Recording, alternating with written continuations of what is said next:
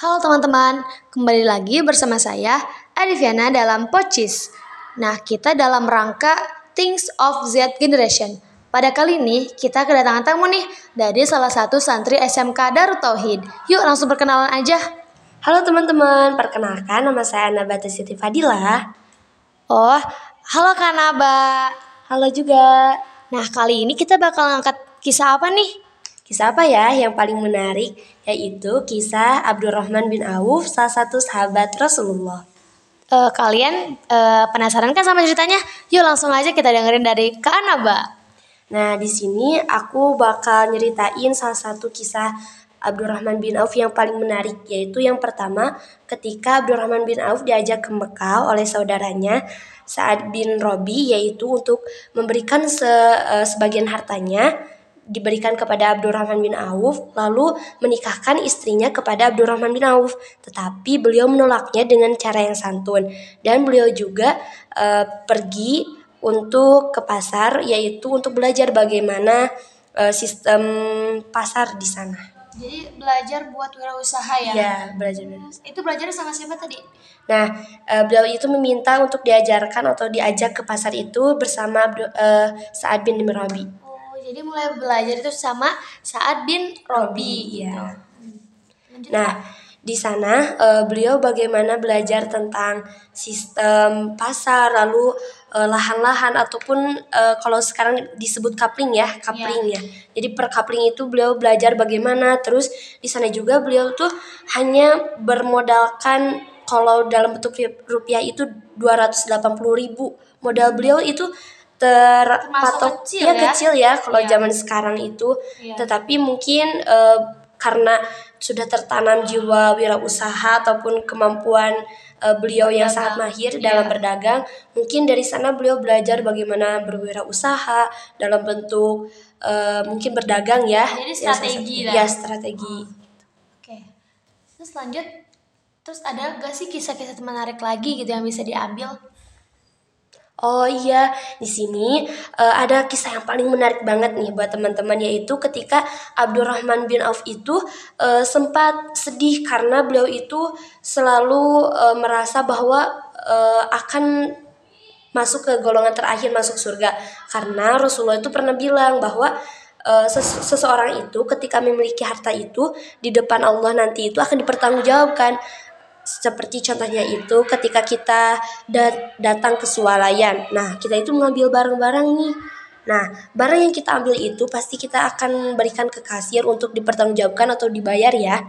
Nah, beliau itu sedih karena eh, mungkin beliau itu akan termasuk kepada golongan yang terakhir masuk surga.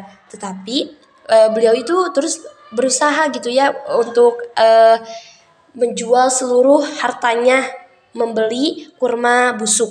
Tetapi pada eh, bulan tersebut tuh ada apa sih namanya tuh hama gitu ya kalau di negeri tetangga gitu yang membutuhkan obatnya itu adalah kurma busuk. Nah, Itu makin kaya iya, makin kaya. Jadi si kurma busuk itu malah berkali-kali lipat dibelinya Ah, karena jadi langka ya. Yang niatnya mau ngurangin harta kekayaan Iya. malah jadi terus bertambah Iya. gitu. Gitu. Jadi sering disebutnya itu gagal kaya gitu ya. Gagal kaya, Iya. gagal miskin lah gitu ya. Iya. Kan kalau kita tuh gagal kaya, ini Iya, gagal miskin gagal gitu. miskin. Iya. Oh, karena masya Allah. Iya. Oh iya, eh, yang aku tahu sih emang bener ya. Abdurrahman bin Auf itu termasuk sahabat yang eh, julukannya itu Asabiqunal Awalun. Iya, karena hmm, apa sih namanya tuh beliau itu selalu mengutamakan Allah gitu ya se- segalanya tuh. Karena beliau juga belajar berwirausaha atau berdagang gitu ya itu tuh karena mencontoh Rasulullah. Kan kita juga bisa melihat gitu Rasulullah itu eh harta ataupun sumber gitu ya. Sumber ya sumber kekayaannya itu pasti dari berdagang ya beliau juga bisa bertemu dengan eh, istri pertamanya juga karena berdagang kan Iya bener sih. Nah, hikmah apa sih teh yang bisa diambil nih, yang bisa eh, kita pakai nantinya buat hi- kehidupan kita ke depannya gitu kan? Gitu.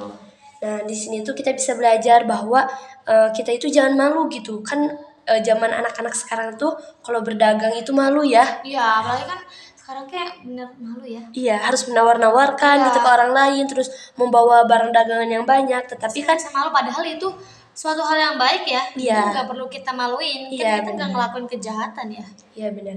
Nah di sana juga kita bisa belajar bahwa eh, butuh keberanian terus yang pastinya tuh niat pertama dong ya Iya. gitu mencontoh Rasulullah Iya, gitu ya pasti. jadi amalan kecil yang kita lakukan lah gitu Iya, kalau pada zaman sekarang mah gitu Jadi hikmahnya tuh kita gak boleh malu ya kalau misalkan mau memulai sesuatu tuh jangan ragu harus berani gitu ya.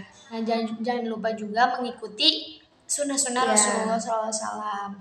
Masya Allah nih kisahnya semoga kisah ini bisa kita eh, ambil hikmahnya dan menjadikan suatu manfaat untuk kita ke depannya.